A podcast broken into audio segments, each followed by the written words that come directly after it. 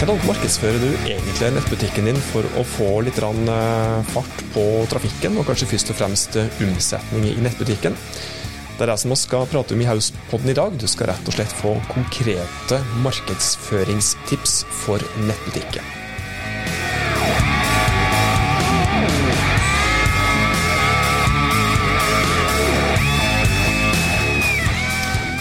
Hei, hjertelig velkommen til en ny episode av Hauspodden. Du skal få lov til å få noen minutter sammen med opptil flere fagfolk i Haus. Og I dag skal vi prate om nettbutikk, som har vært tema tidligere. Og I dag skal vi helt konkret prate om markedsføring av nettbutikk. Og Da er jeg nødt til å få med et faglig supersterkt kort til å prate om nettopp nettbutikk. Og kollega Hanne, som da har erfaring fra nettbutikk fra før. Som i hvert fall du som har hørt på tidligere episoder av Hauspodden har fått med deg. Du må nesten hjelpe meg litt i dag. Og først, for eventuelt nye lyttere, dem som ikke kjenner det fra før. Hvilken erfaring har du fra nettbutikker? Jeg har sagt at du har fysisk erfaring, men hvilken nettbutikker har du jobba i, og hva har du egentlig gjort der? Ja, jeg har jo um, jobba for to nettbutikker tidligere. Uh, jeg begynte jo nettbutikkarrieren i Vita. Uh, så i noen år der. Og så fortsatte jeg i Woolland. I Vita så var jeg produktsjef for nettbutikken. Eh, hadde litt daglig drift der. Og i Woolland der var jeg nettbutikksjef. Så det var jo egentlig daglig drift der òg. Eh, men de er jo av litt forskjellig størrelse, de bedriftene. Så det ble jo litt forskjellige oppgaver, da. Hvordan jobba egentlig dere med, med, å markedsføre de nettbutikkene som dere hadde? da? Eh, nå tenker jeg ikke nødvendigvis på hva dere helt konkret gjorde, men hvilke kanaler var dere eh, hadde fokus på? Egentlig så var det de samme kanalene på begge to. Eh, hovedsakelig så er det jo eh, Google, eh, Facebook, og nå i ettertid, egentlig, så har det jo kommet bare mer og mer eh, butikk på Instagram. Um, men det er jo det med Google Shopping um, som har vært den hovedkanalen, kanskje, da, som, uh, som ble brukt da jeg jobba i nettbutikk. Da er vi kanskje inne på ett eller kanskje to av de grunnleggende tipsene, og det er å ha sylskarpt fokus på Google. For Google er jo en del av ja, kjøpsprosessen vår nesten uansett hvilket produkt vi skal kjøpe, og nesten uansett hvor i eh, kjøpsprosessen vi befinner oss. Enten om vi researcher et konkret produkt, vet at vi skal ha et konkret produkt og er på leit etter noe, og egentlig bare skal prøve å finne fram til noe alternativ som kan levere produktet. Eller at vi da researcher en eller annen problemstilling, en løsning på en problemstilling som et eller annet produkt kanskje kan løse. Når du sier Google shopping, hva tenker du på da? For dem som ikke er kjent med det? Google Shopping, ja, Google Shopping er jo en egen, um, egen del i Google Ads, der du feeder inn produktene fra nettbutikken, sånn at uh, hvis du søker på et produkt eller ja, noe generelt innenfor et, en produktkategori, så kan produktet ditt havne i den karusellen, hvis jeg kan si det sånn, eh, som havner øverst, stort sett, eh, i Google-søket. Eh, og da får du jo fram både bilde, produktnavn og pris. Sånn at når du ser den karusellen, som jeg kaller det, på Google, så ser du egentlig ut som inne i sjølve nettbutikken. Ehm, så da kan du klikke deg bare direkte inn på produktet via der. Så det er viktig. altså Du sa noe helt sentralt der. Dette her er annonser som dukker opp med bilde og pris, og de dukker opp som en karusell helt øverst i søkeresultatet. Det er av de øverste annonseresultatene òg. Så slik sett, da har du en nettbutikk da, bruk shoppingannonser. Og en forutsetning da er jo da du må ha ting på plass. Det hjelper ikke bare å ha en nettbutikk og så løse alt seg sjøl. Ja, Selv om du da bruker Google-annonser, det er vel andre ting som du må fikse i tillegg?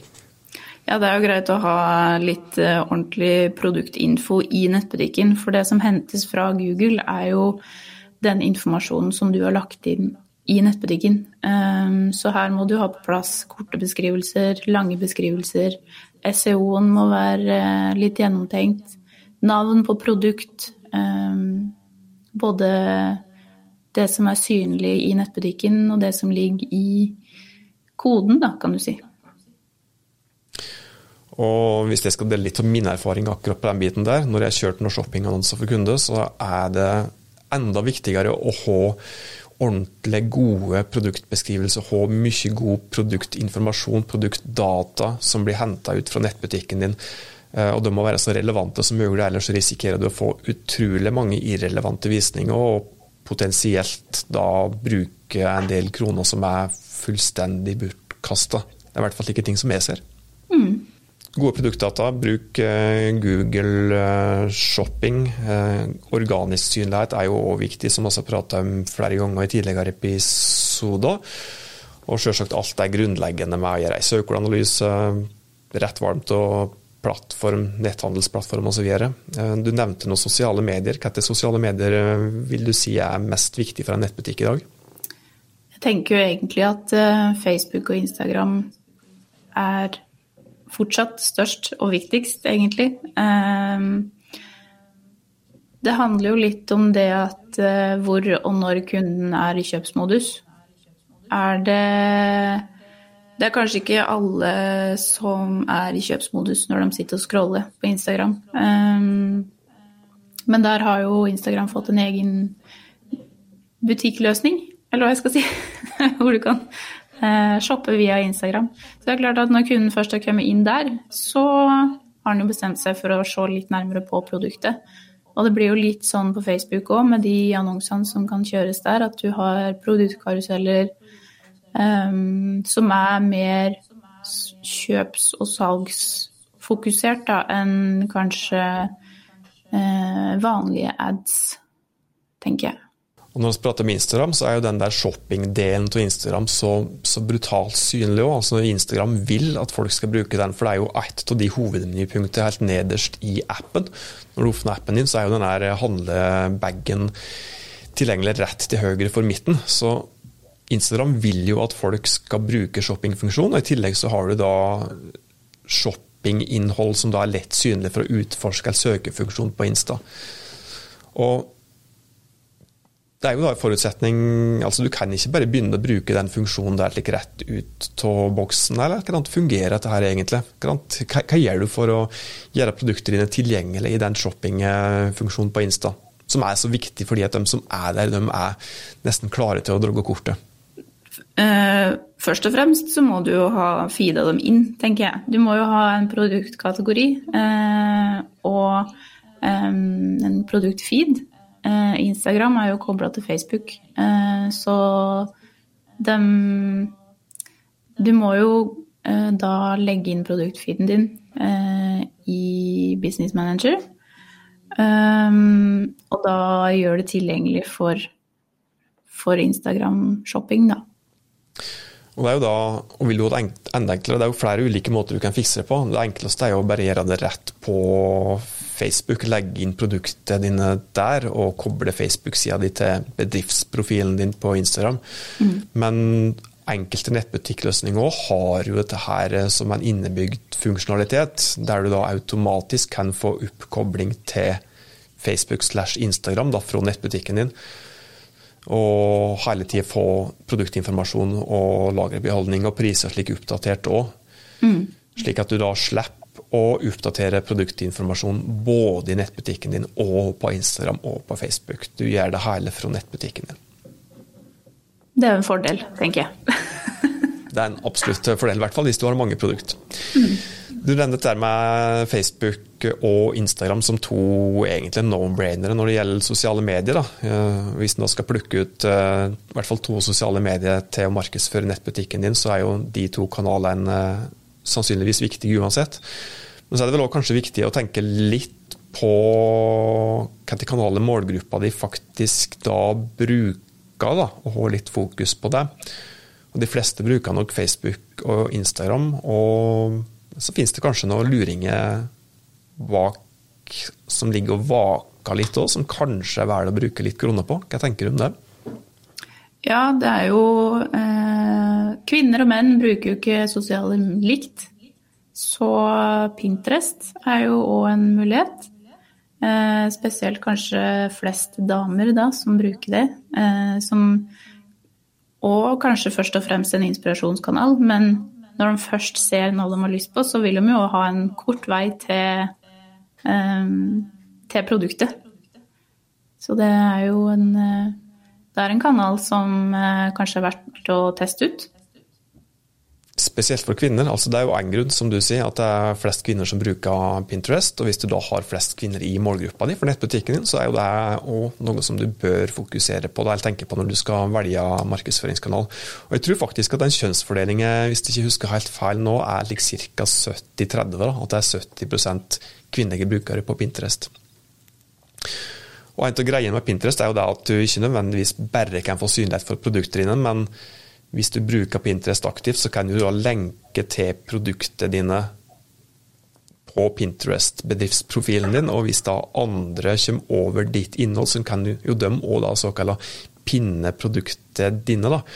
Og når de pinner, hvis du har gjort det rett, så er jo da dette klikkbare lenker rett inn i nettbutikken din, som da både kan føre til kjøp, men de kan òg bidra til å faktisk eh, ganske så bra å bygge såkalt organisk synlighet over tid. Det vil si at det kan hjelpe dem å få, få eh, god gratis synlighet på f.eks. Google. Og En av greiene som jeg har sett med Pinterest, er jo det at en pin, altså et produkt som du lenker lenker til nettbutikken din på Pinterest, den kan ha ganske bra levetid i forhold til f.eks. For et Instagram-innlegg, ja, spesielt kanskje et Facebook-innlegg. For hvis du da ja, legger ut et eller annet på Facebook om produktet ditt, publiserer et eller annet innlegg der, så blir jo det ofte bare i beste fall konsumert av en viss prosentandel av dem som følger det fra før. Og så blir det ofte glemt. Men de som bruker Pinterest, type inspirasjonskanaler som f.eks. Pinterest, de har jo da mulighet til å finne innholdet ditt på nytt og på nytt og på nytt. Og på nytt. Og slik så er jo da en pin som du har publisert, en ting som har langt større, lengre levetid enn f.eks. Facebook-innlegget dine. Det var noen tips om sosiale medier. Er det andre ting som vi tenker at, eh, at nettbutikker kan gjøre for å markedsføre seg? Hvis vi tenker litt høyt. Influencers mm. er stikkord. Influencers er mye brukt. Hva tenker du om influencers? Det er vel litt både òg. kommer jo veldig an på nettbutikken, tenker jeg. Eh, og hvilke produkter som selges. Det er ikke alltid det Eller eh, det er litt sånn at eh, alle skal bruke influensere, og så er det kanskje ikke like relevant for bedriften. Eh, og så er det mange influensere som sier ja til oppdraget for å tjene penger, uansett hva det er for noe. Så mm, både positivt og negativt, kanskje, med influensere. Men treffer du på riktig influenser for målgruppa di, så kan du jo tjene mye på det. Det er viktig det som du sier der med å ha relevante influensere. For at en god influenser er ikke nødvendigvis den influenseren som er ordentlig stor og kjent. Eh, og Tidligere i Hauspodden har jo du prata om dette her med at folk stoler mer på ordentlige folk eller reelle brukere til et produkt, enn når bedrifter bedrifter sier at de har et bra produkt. Og slik sett så er jo da influensere, når det er gjort rett, noe som kan nå ganske stor effekt. Men så er det ikke nødvendigvis slik at du skal skal hanke inn Sofie Elise her. Selv om hun da har supermange følgere på f.eks. Insta, så er det ikke sikkert at hun er relevant eh, for akkurat det. Så et tips der er kanskje også ja, Hvis du da sitter med et knippe influensere som du har å velge mellom, så til å analysere den målgruppa, følgergruppa som de har, og se om den er relevant i forhold til målgruppa di, og se det òg litt opp mot eh, det innholdet som, eh, som influenseren ellers publiserer, og det som influenseren står for, om det er noe som du kan identifisere det med. Kan det være et tips? Absolutt. Tenk at det er høyst aktuelt. Og slik sett så ikke nødvendigvis gå for de største, men ja, hvis du har en valg mellom en stor en med 100 000 følgere på Insta og en liten en med 2000 følgere, så tror jeg at oss begge kan være enige om et tips der å si det at uh, hvis den minste personen på Insta, hvis du skal bruke en Insta som en influenserkanal, hvis den personen med 2000 følgere har 2000 utrolig dedikerte følgere som er midt i målgruppa di for akkurat ditt produkt, så er det et mye smartere valg enn f.eks. en slik supergedigen en med 100 000 følgere, som da kanskje har både 13-åringen som er opptatt av sminke, og den gamle grisen på 74 som egentlig bare følger med den kvinnelige fordi at den er i sikkermodus. Eh, og så er det òg en liten gevinst ved å velge av de mindre som kanskje har mer dedikerte følgere, og det er vel prisen? Absolutt. Du tjener kanskje mer på å ta dem som er eh, mindre kjent, eh, i forhold til at de er billigere, men at de kanskje gir like så godt salg. Da har vi forhåpentligvis gjeve lytterne våre nok en gang noen gode tips som de kan dra nytte av allerede nå, hvis du bare trykker på stopp-knappen på podkastepisoder og begynner å iverksette tiltak umiddelbart. Og Som vanlig så kan vi vel eh, selvsagt slå fast at du må ha alt det, det grunnleggende som må være på plass først, og da liksom oss nesten purrer på i hver eneste episode av Hauspodden. Og litt bonustips som jeg kom på nå.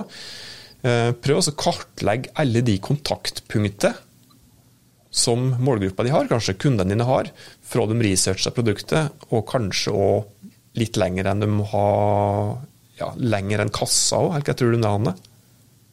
Mm. Prøv å finne ut hvor kunden din eh, beveger seg, rett og slett. Eh, hvor kan du nå din kunde enklest mulig? Det er, vel, det er vel der du bør begynne, tenker jeg. Oh yes. og tenk over hvordan du kan påvirke kundene dine, eller de potensielle kundene dine i alle disse her små og store kontaktpunkter som er i løpet av denne kundereisen. kundereisa. Mm. Da har vi nok en gang kommet til veis ende i Hauspodden. Vi blir ordentlig glade hvis du eh, legger igjen noen ratings eller en anmeldelse i den podkastplattformen som du bruker. For dette kan hjelpe oss med å få enda bedre synlighet, slik at vi kan hjelpe enda flere med å nå de målene som de har satt seg. Fram til oss høres neste gang, så må du selvsagt ta godt vare på det og dine.